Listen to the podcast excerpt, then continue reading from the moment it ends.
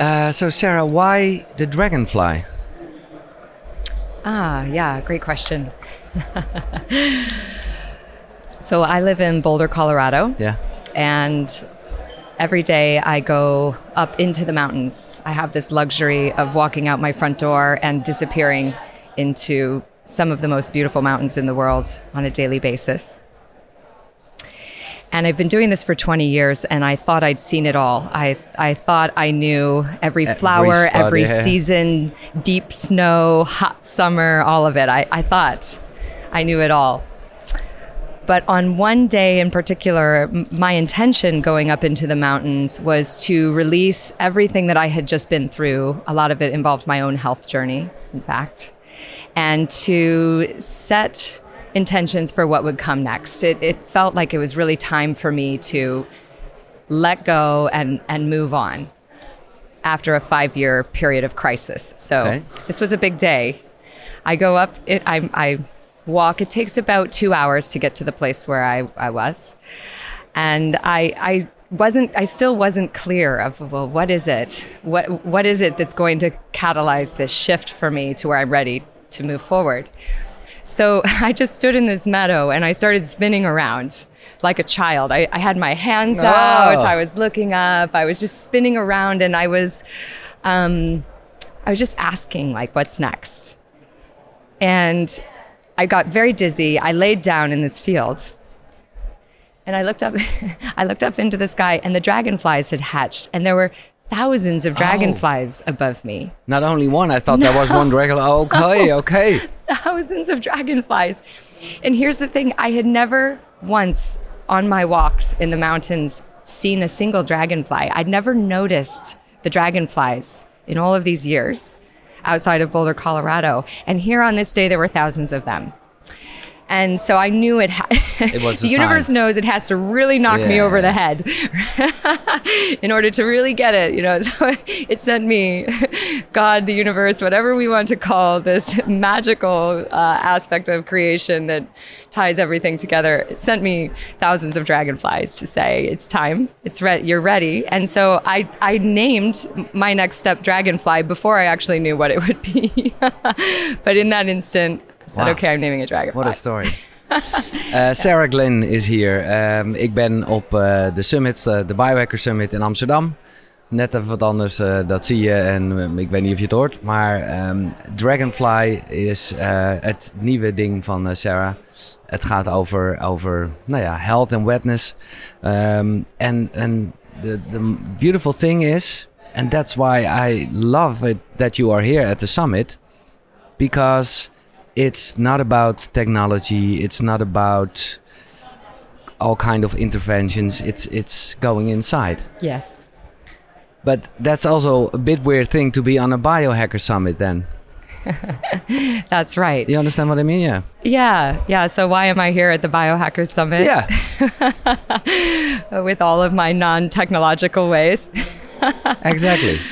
Well, I think that alternative healers have been are the original biohackers. Uh, the midwives, the herbalists, the energy workers have been hacking human biology forever since humanity began. Um, and when I spoke with the founder of this summit about my experience in June, I said, uh, I love it all. And what about this whole entire aspect of, of biohacking that is that requires nothing that you don't have to purchase a single thing. You do not have to. Uh, you can't buy your way into health. No. Um, it's not to say that everyone at the Biohacker Summit is all about buying their way into health, no, but no. what the natural tendency here is to somehow. It, we're still we're still kind of stuck in this notion that healing happens because of something outside of ourselves that we need to acquire ingest find seek out Mm-hmm. something out there uh, that will ultimately heal heal us and and what I found on my own health journey and what I've discovered uh, early on as a midwife when I was uh, in service to women Yeah. um, as a yoga instructor as an energy worker is that um, all of that is important all of those all of those things the, the diet the supplements the lifestyle it's all important but it really unless we make these decisions internally unless Yeah. we uh, really are empowered to take on our healing process, none of that works. Um, so healing really does have to start uh, as a conscious choice that we make. Yeah. And yeah, so I'm here to help people discover these little wins, these little moments where there was nothing else outside of themselves that actually occurred. It was just some spark internally that that cultivated a new level of awareness, that gave them a moment of peace and relaxation, that energized them, that helped them see the future more clearly, whatever it was, whatever it is. Yeah. Nice. And of course, uh, and that's why it's it's it's working great here together. It could be an entrance to, uh, well, to to take a supplement or, or or to use other stuff and then go inside. Of course, Yeah. it's a combination. It's a holistic thing. Yeah, yeah, and so I guess you, there are different components to the to the sanctuary here at the summit. Um, one component is this idea that healing begins within as a psychological process. Um, so a lot of the healers that are in the sanctuary really are working with the nervous system and are working with that the psychology. Um, another component is that healing does not require any technology or outside intervention. No, Right. the so- body heals itself. yeah the body heals itself Yeah. so I, I it's i don't want to collapse those too much No. it's, it's kind of important to pull those things apart although they are complementary the, those are two value sets that are complementary to one another exactly. that are both occurring in, in the sanctuary and i'm a woman so of course it's a little chaotic and very feminine you know yeah Um, yeah, I have to translate some things because for me, I had to Google what midwife was. yeah een vroedvrouw is dat. Uh, and you worked a long time to with a, with a, like a, yeah, maybe you can explain what kind of work it was. Sure. So actually, this is the perfect country to talk about midwifery because uh, the Netherlands, the Dutch, have for a long time understood that it's safe for women to give birth at home more than most other countries and cultures in the world or developed countries in the world.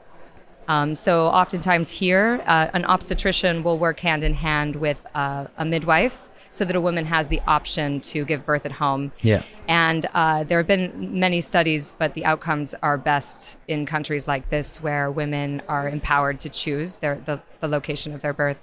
So I studied to be a midwife, um, a- home birth midwife, Yeah, and okay. I worked as a home birth midwife. Which isn't then started a normal in in uh, the states. In the U.S., it was illegal for a very oh long really? time Oh, well, didn't know. Okay. and uh, now it is still seen as uh, there.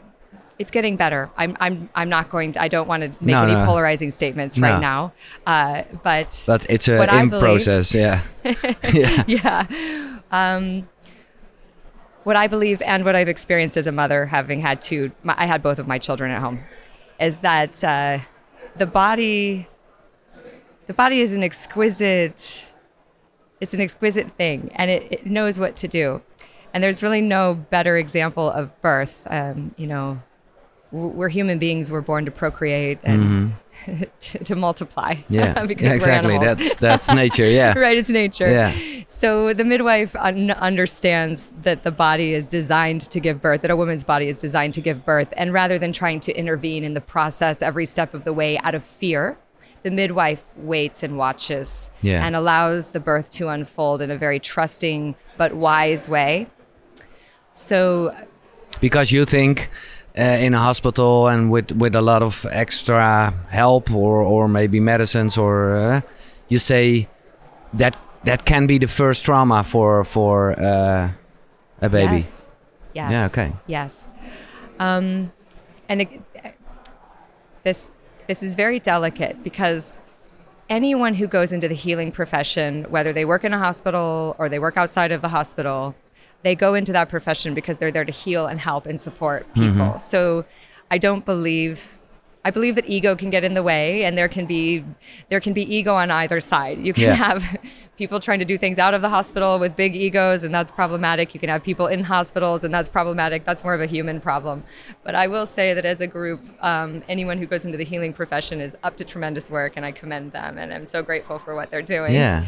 Um, that said, the environment as as um, the environment of a hospital as a whole, it is uh, it, it puts our system onto high alert. So when you walk into an unfamiliar environment with bright lights, which are a necessity in a hospital, with sterile, that is Exactly. sterile, Yeah. it sends a signal to your body that there's an emergency.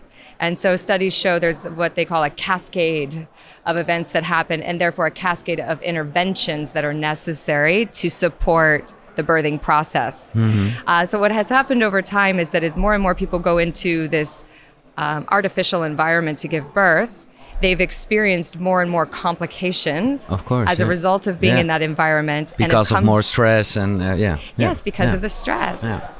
Yeah. And they have come to believe then that birth is a scary, tricky process that requires the interventions. but when you just step outside of the environment, if you put a woman in a safe environment surrounded by her family, where her, her lover, her partner, her husband can Warm hold love, her, yeah. stand behind her, get into the water naked with her, do whatever is needed to have this raw, intimate experience of birth, um, it, it goes quite well, Yeah. actually. Uh, st- statistics vary, but um, at a minimum, 25% of the time is like.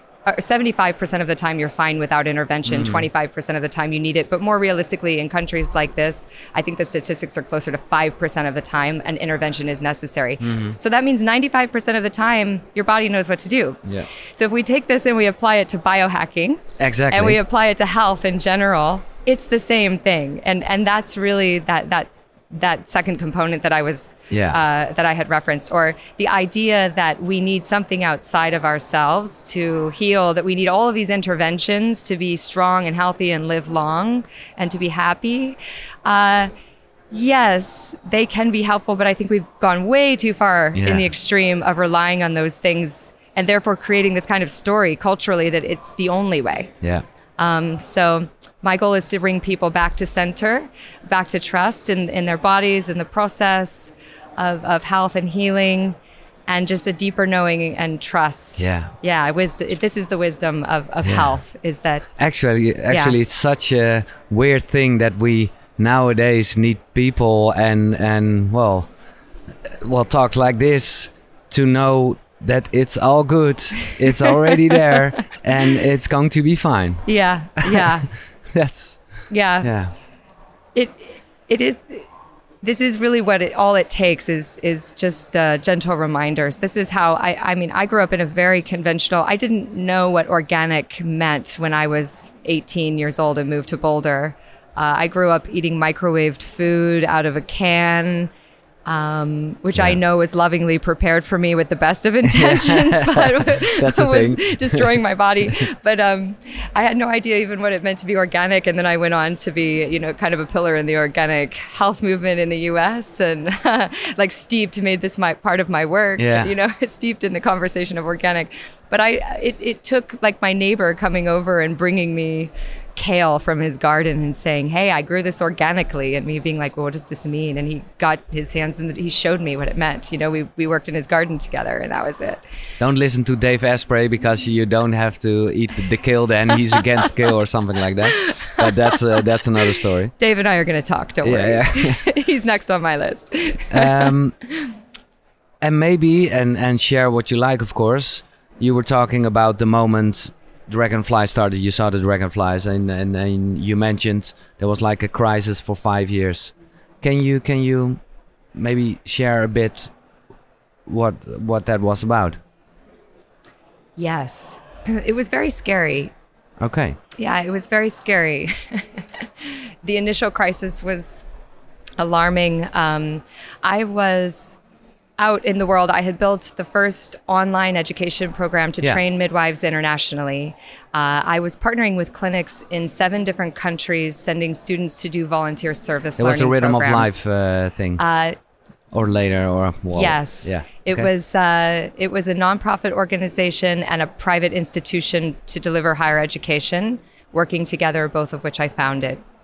Uh, it was the culmination. It, it was like I thought it's why I was here on Earth was to do this thing, and it was the culmination of uh, 15 years of studies and relationship building, and and it was a huge investment for me personally, Yeah. in every regard. um, and I also I, I had two children at the time, um, which actually is even more important. I had these beautiful children that were depending on me. Uh, and one day I woke up uh, and my vision started to close in, and I went blind. And I was blind for a week. I couldn't see. Wow. And it was so scary because I had all of this work that I was up to, all of these people relying on me in, in my world. You know, I had built this world of people Yes. relying on me, and I had this thing, it would be impossible that something like this would happen. Um, and so, even though I was steeped in alternative health, I ended up going straight to the conventional doctors. I went straight to the hospital, of course, to get all the diagnostic tests. And they were telling me some really, di- they were telling me things I did not want to hear. No, because they they told you it's not gonna go away, or They told me it wouldn't go away. wow. They were, uh, yeah, they wanted to diagnose me with multiple sclerosis. MS. Yeah. And uh, something in, deep inside of me said, that's not it. That's not what's going on. So, and, and this, again, I always like to add the cautionary tale because we're, each body is so unique. And there are people who are diagnosed with multiple sclerosis that might potentially have a long term progressive illness uh, for, for many reasons. I'm not an expert on MS at all. Uh, and, um, for any but for anybody who has any diagnosis it's scary and oftentimes um, you know these larger diagnoses are umbrellas to describe uh, they oversimplify very complex things that are happening in the body that's just kind of where we are in history with medicine right now Yeah. um, so I, so I quickly stepped back out of the hospital uh, conventional medical model. Um, I quickly said, I can't I can't take that in right now. If I need to, I'll circle back to it later. But I think I should I should look at this. I should try to find some other perspectives. Yeah. So I sought out uh, second opinions. I went to a naturopathic doctor. I went to an acupuncturist. I went to an energy worker. I talked to my astrologer. Exactly. I, I went up to the mountain and prayed. You know, I did all the things. I just took I took some time with myself, and uh, I I the the word that the the common thread that kept showing up was inflammation.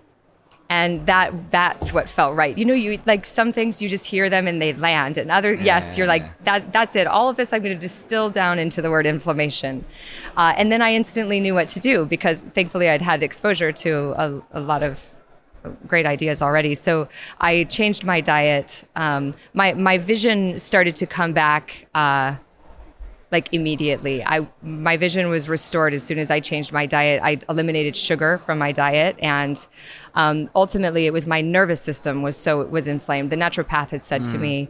You've had this progressive progression of inflammation in your system over Yeah. your life that you haven't been paying attention to. You've been ignoring.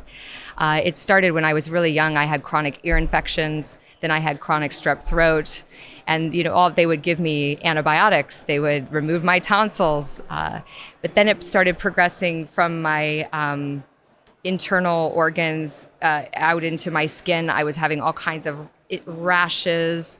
Um, and then ultimately where it, it did lead was to inflammation of my nervous system a, a really important part of that story is that i was uh, when once i was having the skin rashes and really uh, also intense stomach pains i did discover that i was celiac so i went in and had testing and i eliminated gluten from my diet so fast forwarding to when I was 35 and I went blind, I was already on a gluten-free diet. Uh, I was, you know, practicing yoga regularly, doing all the things I thought I should be doing. Yeah. And uh, but when I heard this word inflammation, I knew that there was some there was more. Uh, so the and I knew that my diet, like I was living on chocolate and green tea. It was green tea. it wasn't coffee even, No, no, but no. I was living on, on chocolate and Yeah. caffeine. So I started thinking, well, what is it in, in this? Like, what could it possibly be? And it, it was the sugar. So I stopped eating the sugar and I immediately started to, to feel better. My nervous system was able to, to become less inflamed. Um, but then it took me years of, of therapy and deep dive into my emotional, uh, my emotional body Yeah. to really, really calm my nervous system. Uh, and yeah. and this is a big question, but this is what it's all about to to to feel and to heal. Um, so besides the the the change of the diet and and a little bit of yoga, what yeah, what helped you to yeah communicate with with your body with with your essence actually Yeah, yeah, yeah. Because this is when the real healing begins. exactly but yeah give us give us tools these these other things, these other things like um, this is where the biohacking comes in really handy. It's it's superficial in a sense. It gets us to a state where we can go deeper. It, it gets us, I believe, to the place where now we can begin to access. Because if you're all inflamed because you're eating sugar, or you're so nutrient deprived because you don't have the right supplements, or you're not exercising and moving your body, you actually are not physiologically in a state to be able to go No. deeper in, You're in a, into like, your nervous system. just to you are live, in uh, survival. yeah, survival mode, You're yeah. in survival mode. Yeah. So big praise to all of the work that's being done in the biohacking community um, and preventative health in general. But where the real healing begins, where the real magic begins to happen, is when you start to delve into the nervous system and to go deeper. So, so how do I do that? exactly Now I might start sounding a little weird. no no no not at all you don't know my podcast this is uh, this is this is the thing okay. I'm in good company. absolutely Um, okay. So,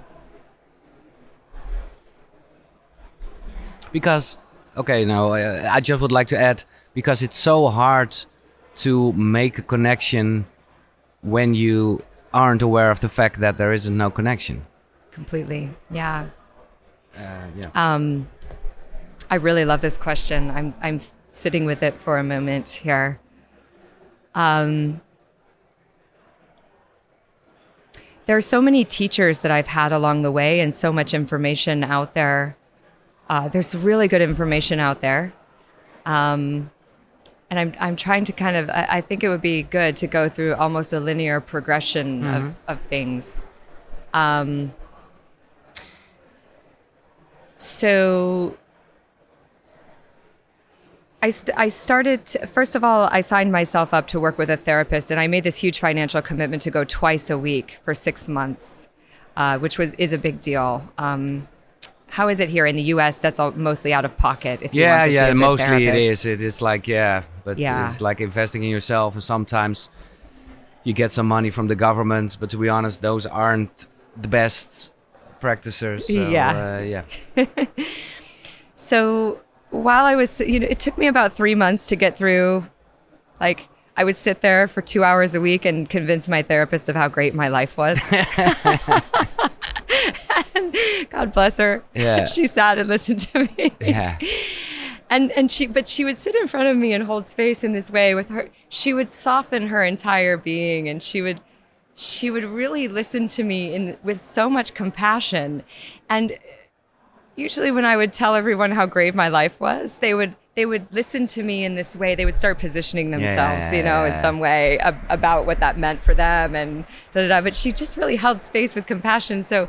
It, uh, you know, of course, then I was able to start to turn that inward and have more, like, to see my successes um, and my great life also through the lens of how much struggle there had been. So it took about three months just to get to like to soften within myself.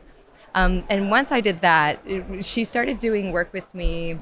She started doing parts work with me. parts work Parts work, yes. Are you familiar with No. parts work? So, um, I want to make sure that I give you the I properly credit Yeah, yeah, yeah. the founder of this, and I'm not a I don't I forget names. Um, so, I think parts work is the next big thing in psychotherapy. By the way, and and uh, okay, so it's uh, Richard Schwartz. okay And he has a book called No Bad Parts, um, which is worth reading. Um, but there, are, there are now therapists that are being trained in this work. So, um, and and also just to, so I did study psychology in, during my undergrad, and I've long been I, I've read a lot of different psych, psychological theories, and I've been really interested in this, steeped in this for a while, and kind of always curious Yeah. about what's next. So when I say I think it's the next big big thing, I mean it. I think it's I think it really I think it's it, it has big potential for the world. Um, so he calls this inner inner family systems. Uh, it's where, and the idea is that on the extreme end of the spectrum, people who have experienced trauma will develop multiple personalities that are so fragmented that they are no longer interacting with each other. And a person who might show up as Betty one day, speaking, looking, acting a certain way, and then their handwriting will change and they will become Bob and they will speak to you differently. They will like literally be totally different personalities all living inside of the same human That's body. the whole Extreme. schizophrenic thing, but Yes. in, in small, all people have it a bit. This is right. Um, Yeah, so yeah, yeah. schizophrenia is a different uh, disorder and different diagnosis, but the um, multiple personalities is a diagnosis that is exactly it's an extreme version of something that we all have. So this, uh, so so Yeah. what Dr. Schwartz decided was that okay, everyone has multiple personalities. Let's look at this. Hmm.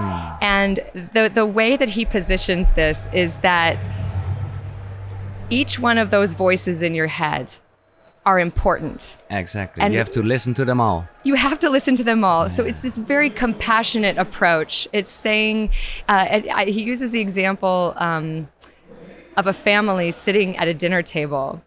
When you have a healthy family, everyone has a place at the dinner table. All of those different personalities make the family the family, and they, every perspective has value.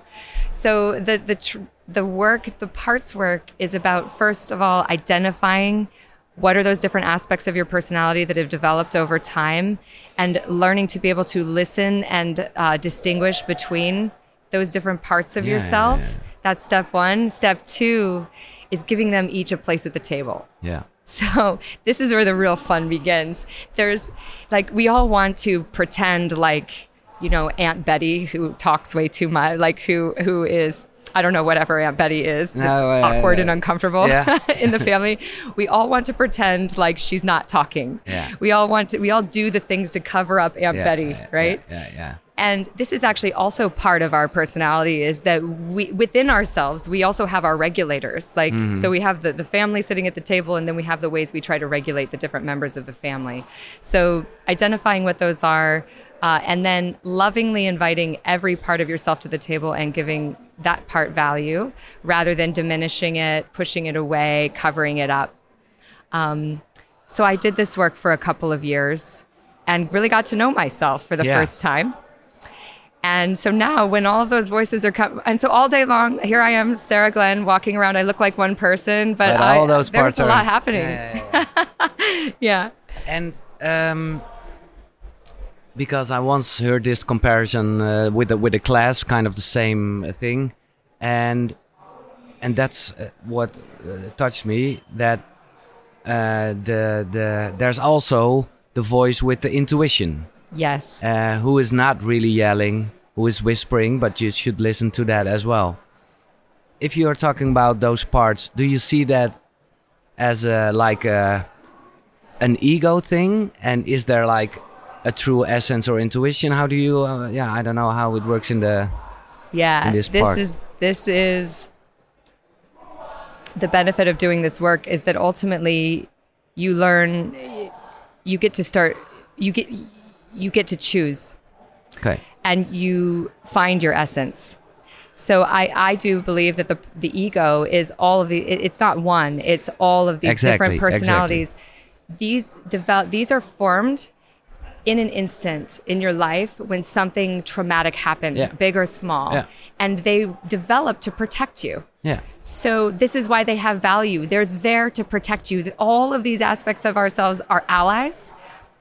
The problem is that when we don't listen to them, they get louder and louder and louder, and sometimes they take over.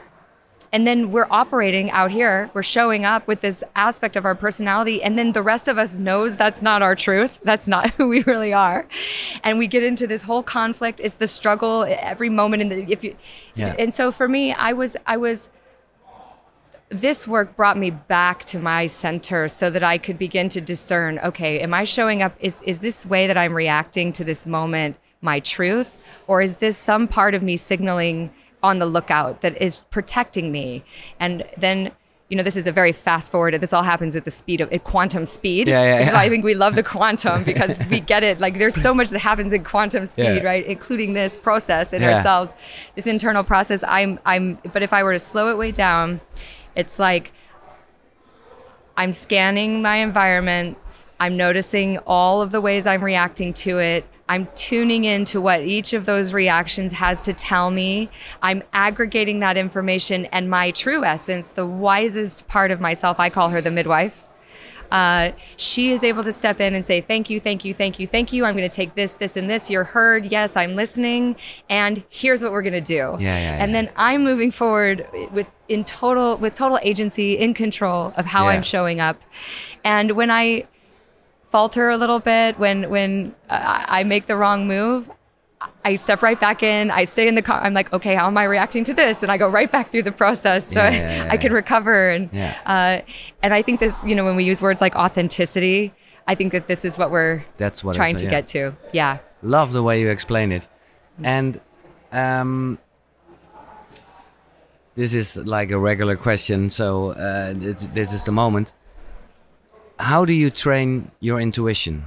How do you, like we were just talking, how do you uh, make that voice a bit louder and and in the end, the one, uh, the thing that that's deciding what to do with all kind of the ego parts comments. Yes. Oh, I love this question.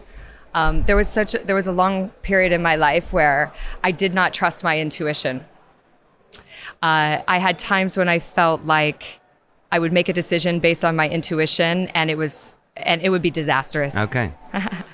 So, uh, one part of one, one part of my answer to your question is that uh, training my intuition has required me to also believe in the greater good, to to develop my muscle for trust that anything that shows up, anything that shows up as a result of my actions that wasn't as I intended, is actually as it it is intended in the larger context, It in has the a bigger reason. scheme Yeah, of things. okay, okay, so trusting okay. and staying with it, and then celebrating my celebrating the parts of me that did that thing to get me to that moment, that little crisis that led to the next breakthrough Yeah, yeah, yeah. that resulted in the thing I actually wanted. So years after we were just talking about the fact you were almost blind or below, that that that helps you to Yes, To that, there was a huge are. breakthrough Yeah, on the yeah, other yeah. side of that. Um, okay. not yes. The other the other part of this. So so there are three. I have three responses. One is the bigger trust. We, Yeah. you, we have to have trust because at the end of the day, no matter how perfect. How, how much we perfect our our internal compass, Mm-hmm. there's still like a lot more happening than we can ever understand in any moment. So we have to trust that even the breakdowns are positive. Mm-hmm. Yeah. Um, the second is the parts work that I was just describing to you. This is big because it, it does get you to, it, it allows, it, it takes away, what it does is it helps you get into right relationship with all the parts of yourself Yeah. that you don't trust. So you get, you have, you gain internal trust. So there's, I thought it was a dragonfly, but no, it's like it's another, it's, it's another, I think it really likes my uh, yeah, yeah, hedgehog pink, sweater yeah, yeah, yeah, yeah. My flowers. yeah, because then you are aware of the of the inner voice as well. So Yeah. the intuition. Yeah, yeah, okay. Yeah. So it's trusting the the the grant the big picture. It's trusting yourself. And that piece of trust, you know, we talk about trusting ourselves a lot. And that's why I love the inner families, internal family systems, the parts work, is that Mm-hmm. it's a tool to develop trust ultimately with yourself. The third thing for strengthening intuition uh, that is it's it's essential is somatic awareness. Uh, because you can intuition is directly tied. Your body is Yeah, the yeah, yeah. is the signal. It is the thing. Your mind is not intuition is not in the mind. No, Everything I just described, that's all working working with your mind to tell it to be quiet. yeah. yeah. but but the the listen the, the thing you actually want to listen to is your body. So um, I also in my in on my path, I Yeah. a lot of time doing uh, after I got through the parts work, I started working on um, somatic awareness. And the teacher that really led me there was is Reggie Ray. He has a book called Oh. Awakening the Heart. No, I did just get stung. Yeah. I no, just really? got stung, yeah. Oh, So we'll see how that goes. so that happened, uh, which was, well, not, yeah, it was a weird thing because we were talking about feel your body. It, yeah, and there And- it was. Like, get right into your body, Sarah. Yeah. Like, okay. Um, so that's that's how you train your intuition. But then, then the further question, uh, because you mentioned the third uh, thing, the somatic thing, because that is for me uh, was the big opening to, because my mind body connection was really bad, and Yes. um, Yes, yes. That's that's what I told you. Uh, uh, how, how you, uh, yeah, how do you know there's no connection if you don't feel a connection? Um, so, what kind of things you did to listen to your body? Yeah.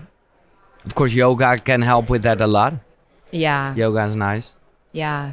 This is also a survival mechanism. We we dissociate, we detach from our body. Exactly, it's how we survive.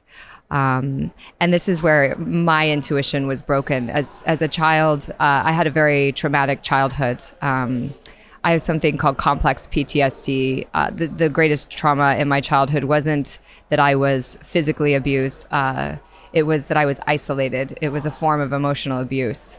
So I spent a lot of time um, they're com- they're showing up here with the uh, I'm I'm so I'm okay. Thank you Okay, for yeah, yeah, coming. but I'm not allergic and I it's already passed. Thank you for coming. Yes. Uh, sorry for this. So, uh, yeah, the, the uh, emotional abuse, which is really underlying. Yeah, yeah, yeah. Uh, So I spent a lot of time isolated as a child. I was um, spent a lot of time in my backyard Alone. uh, alone, Yeah. and a lot of time in my room reading books. Uh, I did have a dog. I did have a pet. so I'm a, still a big animal lover. yeah.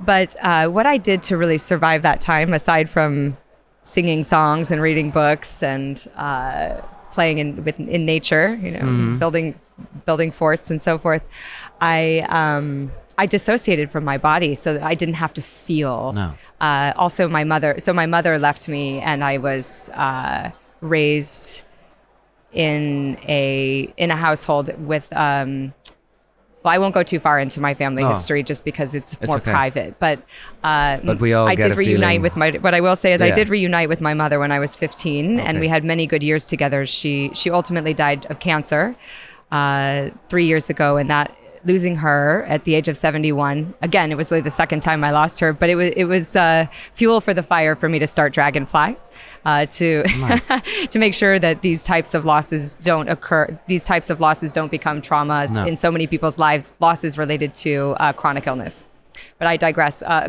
going back to Yeah. um, somatic awareness Yeah.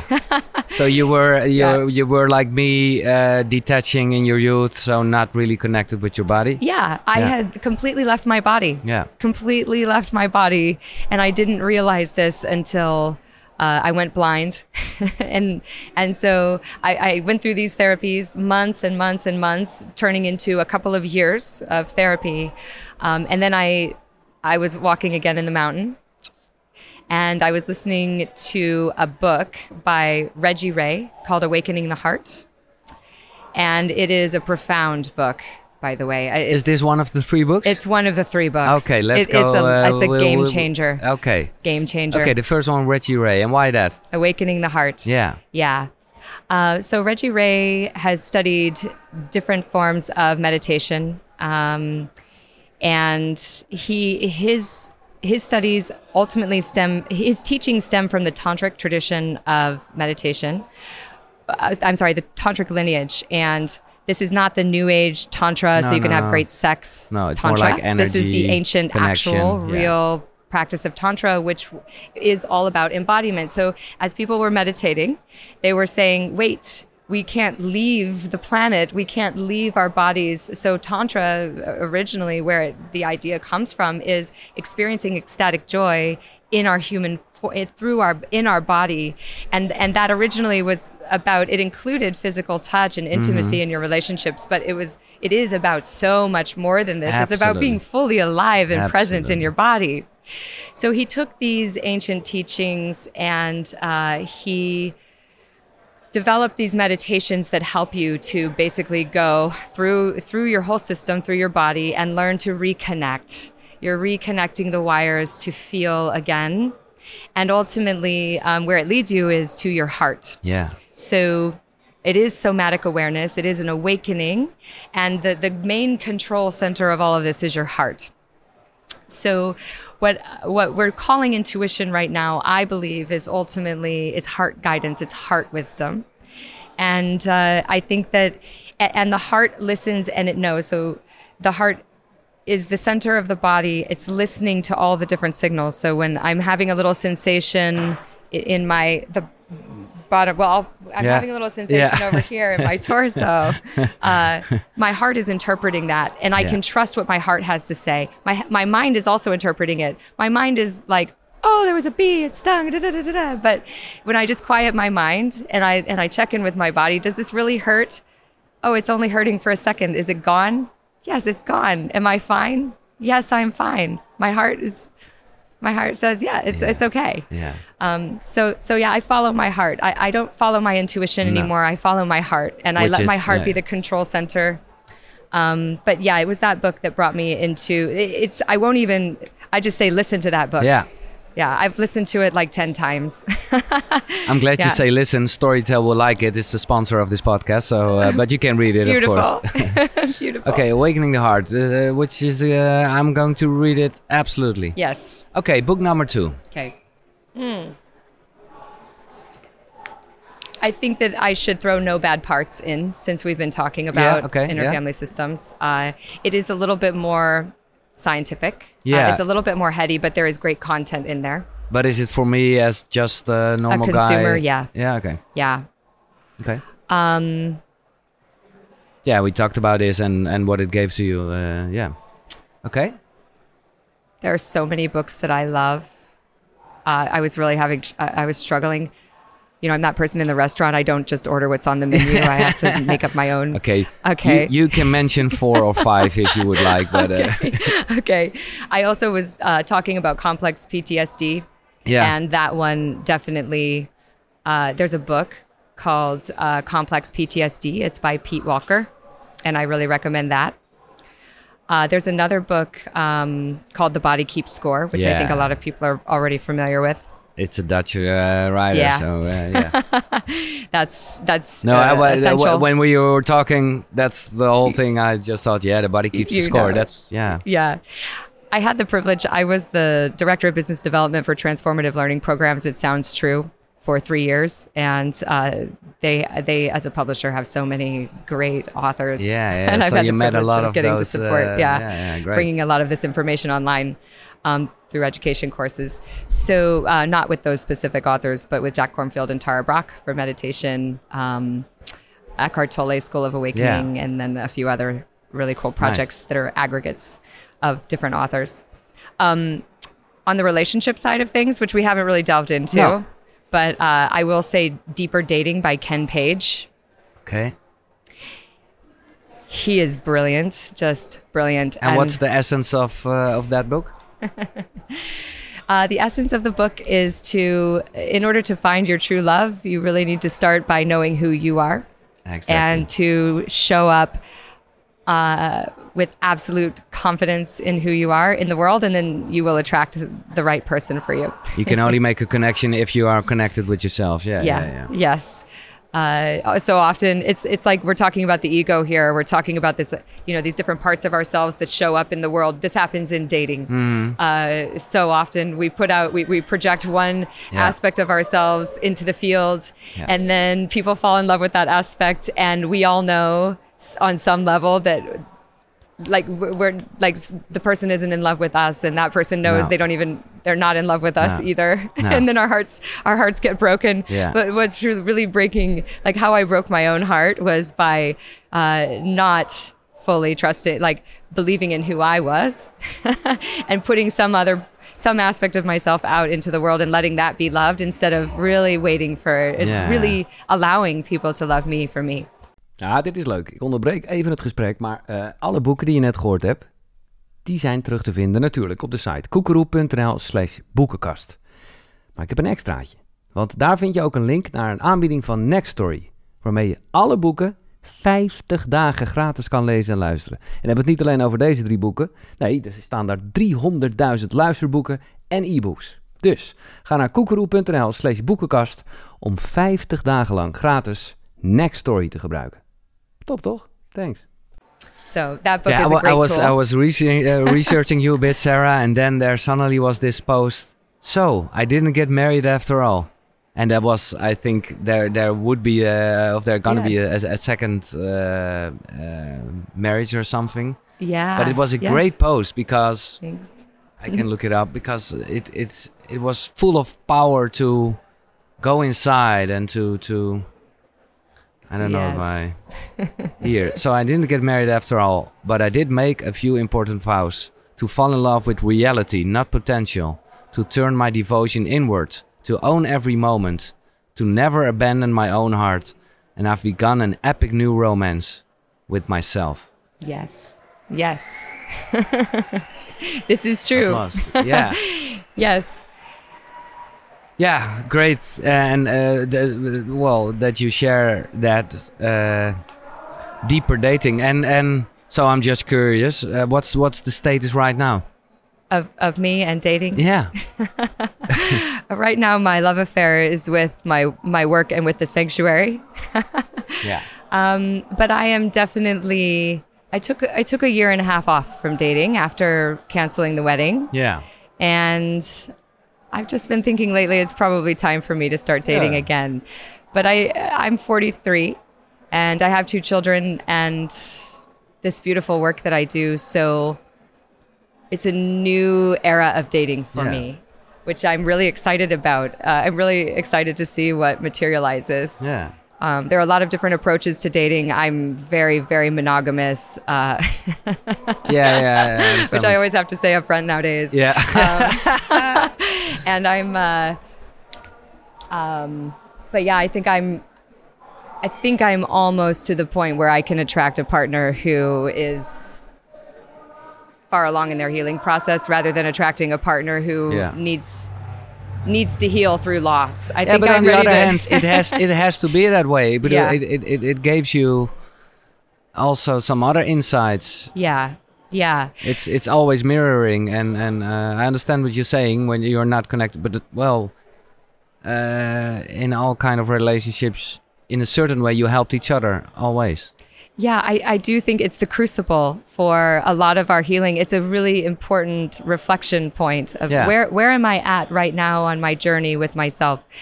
And uh, that's not that's not to say we manifest or like we've manifested this horrible relationship or we deserve this No. horrible relationship, but it's to say that uh, sometimes our greatest lessons come from loss. Uh, sometimes our greatest lessons come from saying no, and sometimes we have to go really far down um, to places that we never thought we would go in order to come back up, in order to really feel that and choose something else consciously. And there's so much power in Yeah, that. So yeah, yeah. I'm grateful for all of the relationships that I've had and the failures that I've had. They're just building blocks for what's next. Yeah, yeah, exactly. Yeah, yeah, yeah. yeah. Do you have like a morning ritual? Ah. Well,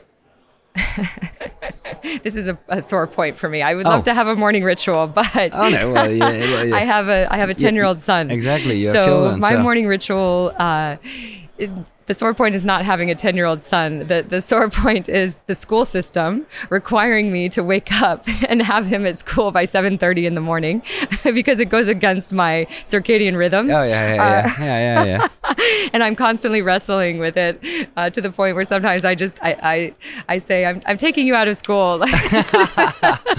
we, we need to do this a different way for all of our for our body's sake. Like, what is this system?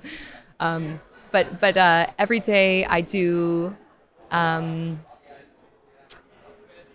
I do start my day uh, with time in nature. So after I drop my son off, uh, I go up and spend time outdoors. To me, this is the most important thing. to ground and to Yeah. yeah, yeah, Even if it's only a 20 minute walk, Yeah. I, I always go. And on a, on a good day, I'll disappear for a couple of hours. yeah, yeah, yeah, Yeah. Which is also a kind of meditation, of course. Yes. Yeah, yeah, yeah. And do you have like an evening routine? Um, hmm. yeah, I've been working on. My therapist said to me one time, she said, uh, uh, many years ago, I said, I'm struggling with my bedtime routine. I like, I hear all of these people have such good, Yeah. uh, what's the word when you consistently do things all of the time? Routine or what? Uh, no, no. what do you- They have uh, the ability to. Con- um, I'll think of it in a minute, but it's Okay. clearly not one of my words. Just not one I use to describe myself. um, but uh, uh, it'll come to me. Sorry about that. Um, the I'm gonna move back a little bit. Okay, so so I was struggling with my bedtime routine for a long time. Like, how do I wind myself down at the end of the day? And I was struggling with insomnia. I was really challenged to fall asleep, and I was trying all of the things that require discipline. I was following Discipline. the protocols. Yeah, yeah, yeah, yeah. And uh, I, I was where I had the wearables. I was tracking it all. I was doing all the good biohacker things. And Yeah. just, like I still, none of it was working.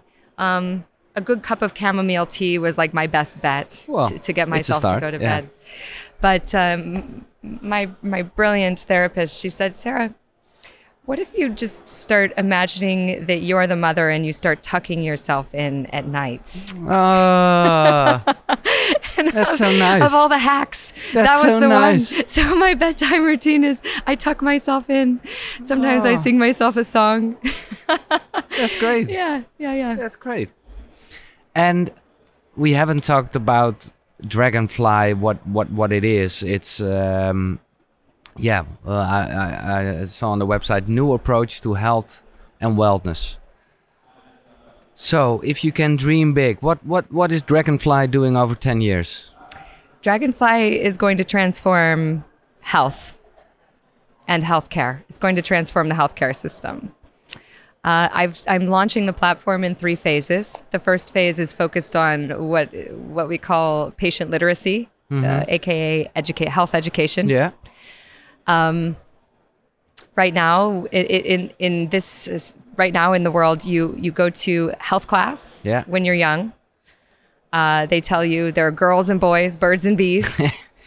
um, then they they check back in with you in high school, you know, to say now make sure that you're very careful with all of this. yeah, And then they send you off, and a lot of people end up in healthcare cris- in a crisis with their health because we were never educated about how to take care of ourselves. And so we go to the doctor, we go to our healer practitioner, and now the burden is on the practitioner to educate us. And this is unrealistic for practitioners. And when you're in crisis, it's the worst time to try to learn anything. We all know how the nervous system works. This isn't great. it's not a great yeah. scenario. Um, and and so often, it, I'm sure we've all experienced this. You start to Google it, you start to look up, what does this mean? And it's like the worst Oh, yeah, catastrophe, and uh, you're suddenly even more yeah. freaked out. Um, so uh, the first part of the platform is health education, preventative health education, all kinds of really juicy information about diet, fascial healing, um, kind of cutting edge things that you can do to really take care of yourself. And um, there is information in there about gut health and healing that requires supplements, and there are other protocols that require kind of things outside of your some technology but in general it's low tech. It's a lot of a lot of the preventative health if we're proactive we don't need all of those interventions. So it's what can i do at home daily? Um, and I'm, I'm not a huge i'm not overly disciplined and i'm not a person that believes that the same thing will work tomorrow that's working today so um, there's a lot of room in inside of the education on the platform for people to play uh, we're getting ready to launch a membership and a subscription where every week we will introduce a new expert and they will have a micro journey or a, a foundational journey that's a building block, just like 30 minutes, th- where you can learn something new and apply it to your life. And they'll also have a, transformational journey that's 30 days where you can uh, implement something into your life with deeper engagement and support from the teacher. Um, so just trying to keep it fresh, keep it interesting, and acknowledge that things are changing. Um, the second stage of the platform is going to be to connect people with healers. So right now there are a lot of independent healthcare practitioners out there. like a And um, marketplace kind yes, of thing. Yeah, two-sided yeah. marketplace, Yeah, yeah, like yeah. Uber or Airbnb, but for Yeah, yeah. alternative healthcare. Yeah. Why doesn't this exist? I don't know, but now that I I realize this is a problem, I have to solve it. Oh, so I'm solving that. Yeah. And then the third phase of the platform will be to go completely into the Web3 space with a, a currency and an economy. All based on an exchange, all based uh, where health is the currency, and um, it will all be based on outcomes. So what pe- the the practitioners are earning more when they get good outcomes from their patients. It's it's so backwards right now. The incentives are not Yeah, aligned. yeah, yeah, yeah. Uh, so we're going to align incentives and build abundance and wealth for all people around Yeah. health. Yeah, okay. It's I, I I I love the idea, but on the other hand, we we said this before. The body has to heal itself, and of course, people can help. Mm. But if you don't, as a as y- yeah, if you don't do it yourself, a teacher, healer, uh, yeah, he doesn't. Yeah, How? Okay, You- you let's d- talk about this. This is good. yeah. Um, do we have time for me to Yeah, talk about yeah, this? yeah, okay, great. So fundamentally, so I was thinking about this. I, you know, I'm reading, I'm, I'm reading the research, and I'm seeing all of these different facts. Like, um, 75% of h- chronic conditions can be avoided through preventative, through simple changes Mm-hmm. to lifestyle. yeah. Um, I'm seeing that 10% of the global GDP is spent on healthcare. These don't match up. We're spending a ton of money. 10% of the global GDP. In the US, it's 18% Yeah. of our GDP. We're spending $9 trillion globally on healthcare. And yet we have, it's, the statistics vary, but even in, in the best of situations, I think it's like one out of three people suffer from chronic conditions. Uh, and there are statistics that look much worse. I think in part because it varies depending on where you are in the world. But so so we have a massive problem here. Yeah. We're spending, we're allocating all this this money towards Yes, a, uh, a system that is broken. Clearly, it's not working. And then I'm like, well, what is the broken part? And I'm looking at this. This thing keeps standing out to me. Seventy-five percent of the time, you don't even have to have this No. issue No. if you change your lifestyle. Yeah, so I'm like, okay, that's it. That's it. But then I'm thinking, uh, okay, okay, why? If it's this simple. I'm, I'm obviously like other people are seeing that this is the World Health Organization releasing this information. Really smart people are looking at this. So what's the problem? Yeah. Why? Yeah. Why aren't we making these changes? And I and I do have gripes with corporations. I have gripes with the food industry. I have all kinds of complaints about uh, the, the big guys works, that are yeah. not taking care of things. But ultimately, like we're, we're talking about here, it's up to us as individuals. So it's like when I look at this on the individual level, why aren't we changing? And I go back to my my roots in psychology. And um, one day, I don't know, one day it just it came to me. I was thinking about, um, I was looking at the model of behavior change. I'm like, this is okay. The key word here is change. We have to change our behaviors, and inside of all of this, that is the problem. Change. change is not easy. So this is what we need to work on: Yeah. is supporting people through a change process. So then I realized, oh, there are all these psychologists that have been studying this for a long time, and it's uh, there is a theory of behavior change which stems from addiction recovery models. And uh, it tells us that there are very distinct phases of behavior change. Yeah. So, what we have going on right now in the health industry, in the health field, is, is, a, is an enormous gap where we acknowledge that change needs to occur, but we are not midwifing people through a process to help them change their behaviors and their lifestyles uh, in a preventative, proactive way. So we gear this like it, there's a little bit of danger in saying it's all like for me, I'm out saying it's change happens from within. Yeah. And there's a little bit of danger to that um, because it, it could imply that you're just supposed to know how to do it and you're just supposed to get it done. No, and what's wrong with other- you for no, not yeah. making these changes? Like, why aren't you getting it? We become hard on ourselves. We're failing. and this Yeah. is, you know, negative reinforcement is not the way to encourage No. uh, behavior change. No. It's all about positive reinforcement. So, um, first of all, people have to come to awareness. The first step is a wake up call. Oftentimes now, right now, it's it's a crisis because we're so backwards in our system. Um, but it, it, it's, it could be yourself, it could be a lover or a friend or a relative, someone that you care about is in crisis. Now we've had a wake up call. Something needs to change. Um, but once you have your that awareness, that doesn't equal change. That's just the first step. The next Yeah. step is you start searching, you start inquiring out into the world to look for solutions, and you start dabbling in different things, and you start to learn what works and what doesn't. It's like that's what this conference is all about Yeah. here at the Biohackers Summit is to give people exposure to all these things, and people are going to go home and try yeah, it. yeah, yeah, absolutely, Yeah. yeah. And different people will have different results on different days at different times of day. and they will decide for themselves what they like, what they don't like. And over time, you start to amass the things that really work for you. then you start. So now you're actually now you're experiencing change, hmm but it's kind of like a honeymoon phase. Yeah, yeah. So you can get a downfall to the to the to the old life. That's right. What addiction recovery reminds us is that we have this thing called relapse. Yeah. So all of our best intentions. I mean, I've told you about my personal story. I needed Yeah. to cut out sugar to reduce inflammation in my body. Um, but there are days when, like, uh, there I'm out. Like the other night, I had a dinner, and you were there, Yeah, yeah, yeah. and they served this amazing dessert. Did you stay for no, dessert? then then I uh, I was already gone to the radio then. I knew you had to go. Yeah. But well, I You I, had mine, I guess. I, Extra. I had my dessert plus yours. I definitely ate sugar that night, right? so so this is where true transformation and real change begins to happen. This is the this is the most important moment Mm-hmm. in in the on the trajectory of change is when we actually fail. It's when we have the mo that we don't do the thing we committed to doing or when we did all the things that we thought were supposed to work and and something still isn't right Yeah, yeah, yeah. um, it's having support. It's having practitioners. It's having other people in the community, friends, people to tell you Yeah. stay on the Share, path. yeah. Here's another alternative.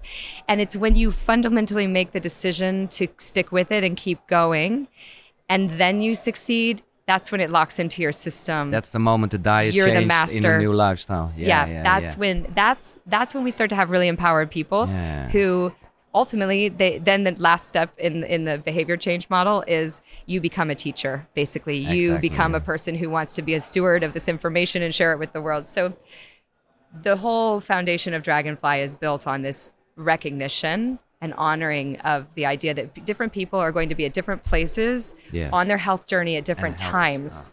and we all i just like if i could have nothing else come through this interview is the idea of being patient with ourselves like to be patient because and to acknowledge the little wins and to keep going um, because change takes time and change is Yeah. a process Trust the process. trust the process yeah yeah Nice.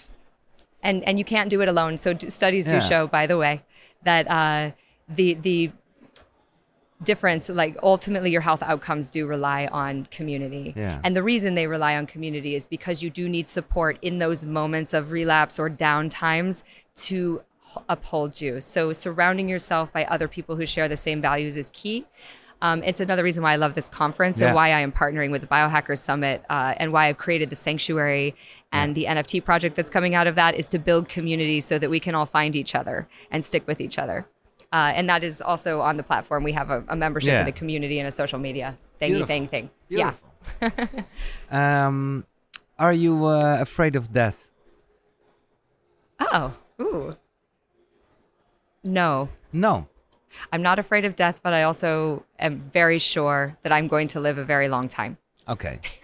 and what do you think will happen? This is like a weird spiritual question because we don't know, Yeah. but of course you you thought about it or re- read about it or whatever. So what do you think will happen? After I die, what will happen? Yeah. Um, I believe that we're all infinite and that the things that I've cultivated in my life will carry on through the people that I've loved and who have loved me in their hearts. That there is like an energy exchange happening every day, uh, like ongoing. And that, that those aspects of myself that I'm giving to the world will stay and continue to flourish. Um, I do believe in past lives, so therefore, I suppose I must believe that I will come back in some form. Yeah. With that I will energy. reassemble yeah, myself. Yeah, yeah. in some form. Um, when I say I believe in past lives, I think I'm more of the epigenetic. I, I think we can tap into our DNA. Um, so I think I'm actually going to stick with the, I, I think I'm going to stick with, I think that I will live on through my children and through my lineage uh, and through the work that I do. Of Uh, course. yeah. And that's well, that's my last question. How would you like to be remembered? Ah, And of course, your children will say a love, uh, a mother full of love, which is great and, and the most important thing in life. But I mean it more as Sarah Glynn, founder of Dragonfly and all the things you did and will Yeah. doing. yeah. How do you want to be remembered? Hmm. I would like to be remembered as someone who created a lot of abundance for the people, uh, a- lot of abundance for health healers and healthcare practitioners. Um, I, I think that this group, I know that this is the tribe that is assembling to create the shift that is needed in the world. Um, yeah, I'd like to Yeah. be remembered as someone who contributed to saving this planet. yeah. Wow. That's great. Sarah, thank you so much for your time and, and for what you are doing. I think you definitely have to write a book someday Ah. uh, because it's uh, it's yeah sharing your story is is is healing for a lot of people. That's what Dragonfly is about, of course. Thank you so much for your time. Thank you. Sarah Klin. Ik, eh, ja, ik vind het echt grappig hoe we hier juist op de Biohacker Summit gewoon een hele spirituele gesprek hebben. Dat gaat dus mooi hand in hand samen. Fijn dat we hebben benoemd. Ik ben benieuwd naar de reacties. Eh, laat het vooral weten onderin bij YouTube. Je kan natuurlijk ook een recensie achterlaten. Dat gebeurt de laatste tijd wat minder. Maar doe dat alsjeblieft bij Spotify. Een paar sterren geven en iets. Nou ja, afijn. Doe iets. Maak wat van je dag. Dit was Koekeroe. Tot de volgende zonnegroet. Hoi.